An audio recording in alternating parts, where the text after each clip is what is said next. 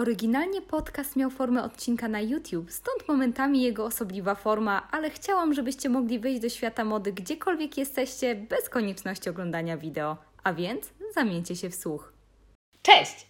Kolor głębokiej nocy, mroczny, a przy tym elegancki, ponadczasowy, ale tajemniczy, bo jest jedynym kolorem, który nie odbija światła. Renoir przyznał, że po 40 latach malowania przekonał się, że istnieje tylko jeden niepodzielnie panujący kolor. Jak doskonale się domyślacie, tematem tego odcinka będzie czerń. Jeśli chcecie dowiedzieć się, co wspólnego z czernią mają zakony oraz jazda konna, o tym już za chwilę.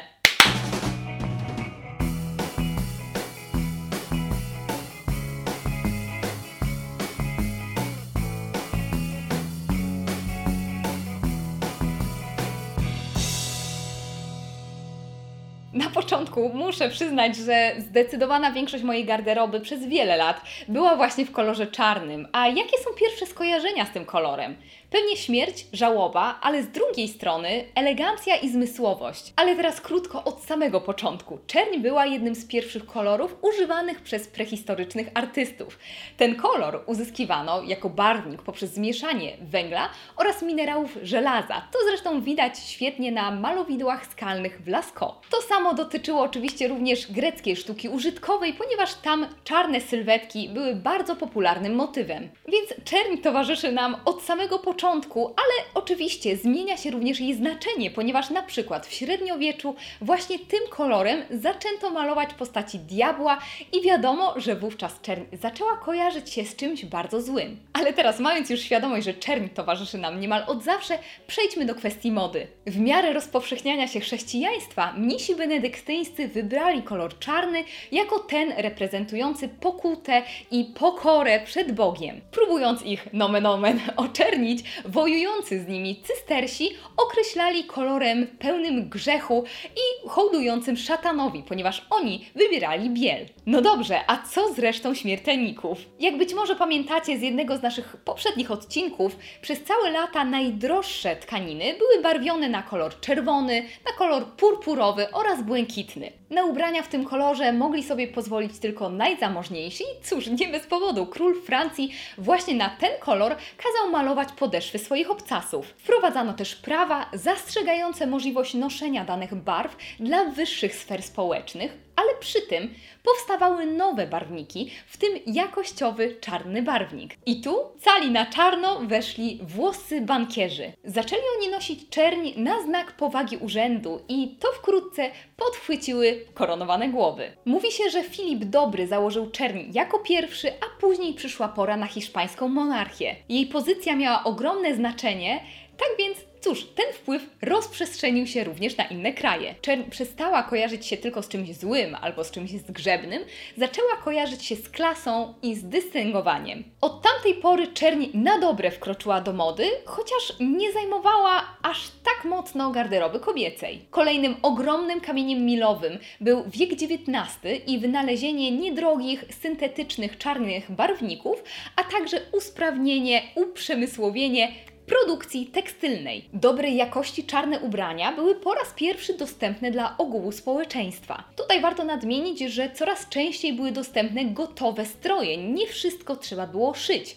I mówi się, że mniej więcej od połowy XIX wieku czerń stawała się również najpopularniejszym kolorem, jeśli chodzi o średnią i wyższą klasę biznesową. Książka The Story of Black wspomina o tym, że ten kolor stał się standardem męskich strojów wieczorowych od 1810 roku dzięki pewnemu jegomościowi, mianowicie panu Bramelowi, ale o nim powiemy sobie kiedy indziej, wystarczy, że skojarzycie go z dandyzmem. Jest uważany za wynalazcę nowoczesnego męskiego garnituru i swego rodzaju ojca założyciela współczesnej odzieży męskiej. W tym samym czasie kobiety zaczęły uprawiać sport, jakim była jazda konna, i był to jeden z nielicznych sportów, który był ogólnie społecznie akceptowalny. Ubrania, które nosiły podczas tej rozrywki, były pod silnym wpływem odzieży męskiej. Stąd też czerń pojawiła się właśnie w stroju jeździeckim, jeśli chodzi o kobiety, A wiadomo, że sport często wpływa na modę codzienną. Często przyjmuje się, że wpływ ten rozszerzył się na odzież damską w połowie XIX wieku.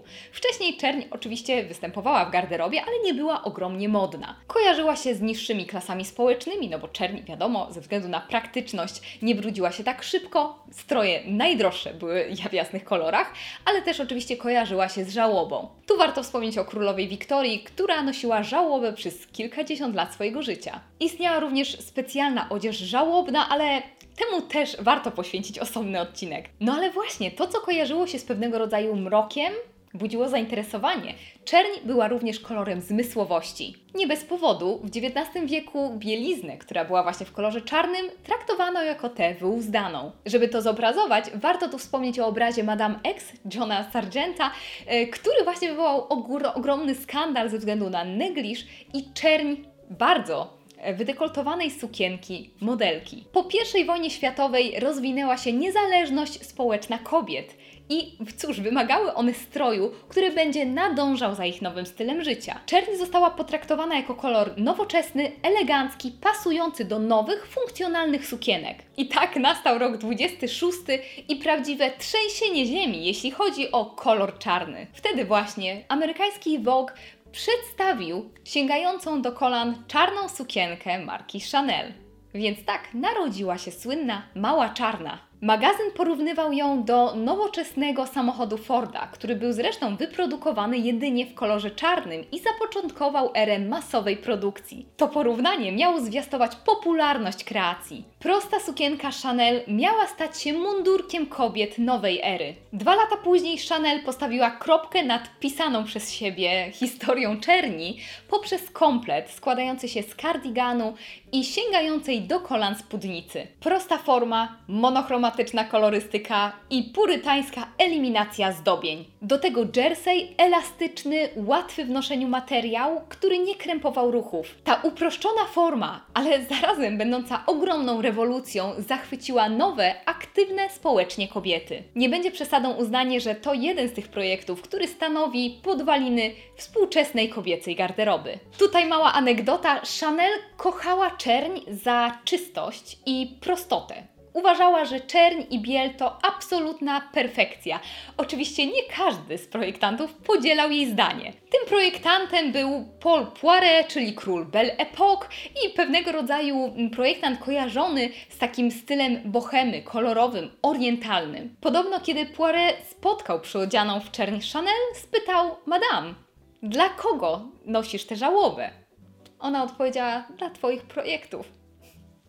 Piękne, prawda? Dopowiem tylko, że w latach dwudziestych rosło zainteresowanie tym, co określano właśnie jako e, egzotyką, orientem, czyli Chiny, Japonia, ale też Rosja. I tutaj warto zwrócić uwagę na projekty Lanvin, która właśnie łączyła czerń z akcentami koloru. I tak bez cienia przesady można uznać, że dzięki Chanel od lat 20. czerń na dobre wkroczyła do garderoby damskiej. I oczywiście święciła triumfy w latach 30., kiedy spełzała ze srebrnego ekranu dzięki zmysłowym syrenim sukienkom garderoby kobiet. W latach 40. kobiety kochały czerń ze względu na praktyczność. Wiadomo, że nie mogły sobie pozwolić na zakup nowych ubrań. Często był to dostępny materiał, który, no właśnie tutaj hołd dla ich kreatywności, próbowały nieco ożywić kapeluszami czy też turbanami. Od lat 50., które miały na powrót wtłoczyć kobiety w ich radosną i pastelową formę, Czerń zaczęto kojarzyć z wyrazem intelektualnego buntu. Czerń była więc symbolem indywidualizmu i tych, którzy podważali ogólnie przyjęte normy i wartości. W Paryżu nosili go intelektualiści i artyści, tacy jak na przykład Juliette Greco. To oczywiście ulubiony kolor bitników.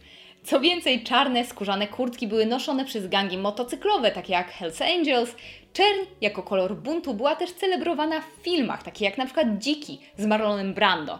Więc można przyuznać, że od lat 50. jest to kolor, który kojarzymy bardzo łatwo i jest on często wybierany przez subkultury. Choć lat 60. nie kojarzymy może aż tak często z czernią, była ona również obecna w projektach np. futurystów jako idealny, kontrastujący kolor dla bieli. Czerń trzyma się więc mocno kobiecej garderoby, jest bardziej lub mniej popularna, zmienia się również jej znaczenie. I kiedy w latach 70. muzyka punkowa eksplodowała na scenie, przywiodła ze sobą również nihilistyczne skojarzenia z czernią. Epicentrum mody punkowej butik Sex Westwood i McLarena przywiódł za sobą nowe rzesze buntowników. Wpływy punka rozprzestrzeniały się na następne dekady, przeniosły się na scenę New Romantic, postpunkową subkulturę i chyba najbardziej kojarzonych z czernią gotów, którzy zamiłowanie do koloru podkreślali też odwoływaniem do epoki wiktoriańskiej. Na początku lat 80., gdzie kolory w modzie były chętnie używane, pojawiły się achromatyczne projekty Kawakubo,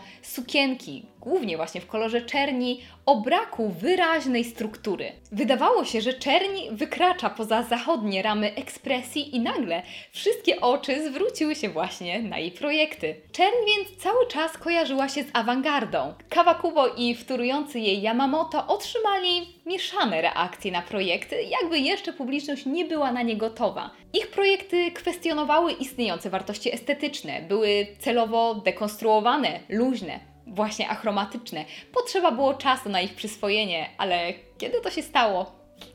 Stały się znakiem czasu. Idąc dalej, Mugler swoimi projektami podbijał jeszcze tajemniczość i zmysłowość czerni, używając błyszczącego plastiku. Tworzył swoją własną wizję super kobiety, silnej, zmysłowej, która balansuje na granicy fetyszu.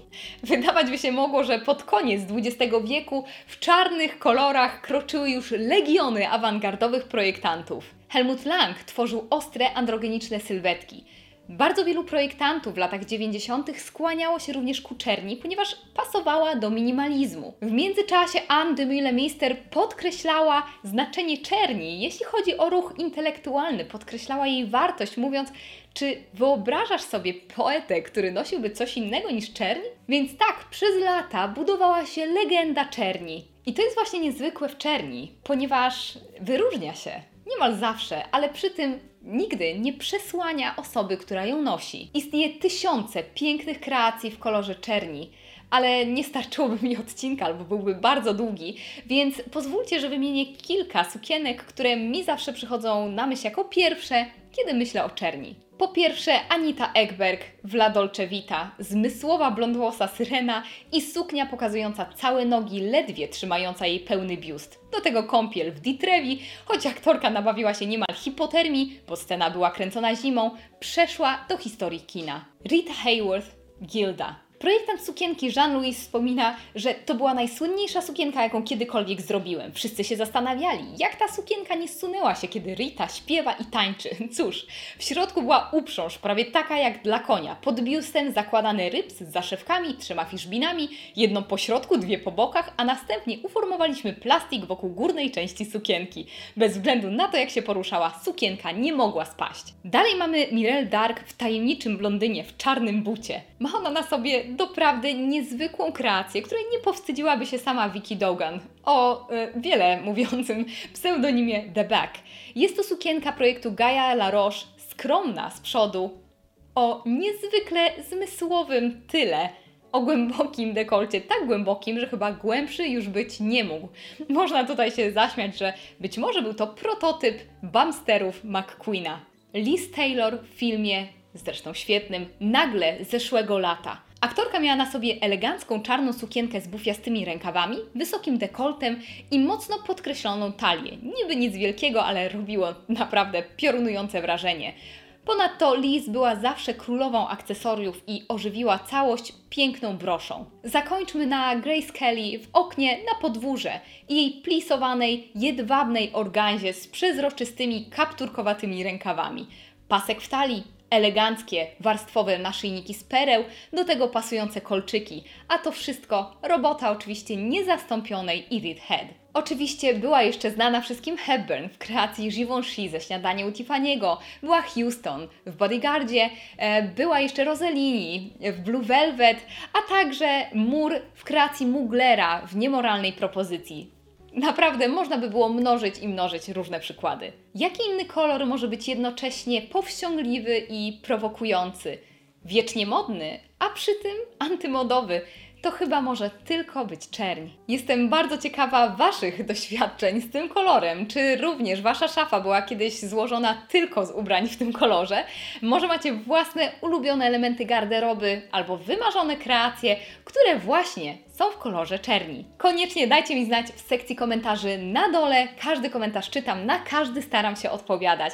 Jeśli chcecie być na bieżąco z każdym filmem, uderzcie w ikonę dzwonka, Wtedy żaden film Wam nie umknie i zasubskrybujcie kanał. Na co dzień możecie śledzić mnie na Instagramie pod tym samym nickiem, żeby dowiedzieć się, co u mnie słychać, a my widzimy się już przy okazji kolejnego odcinka Freakery. Do zobaczenia!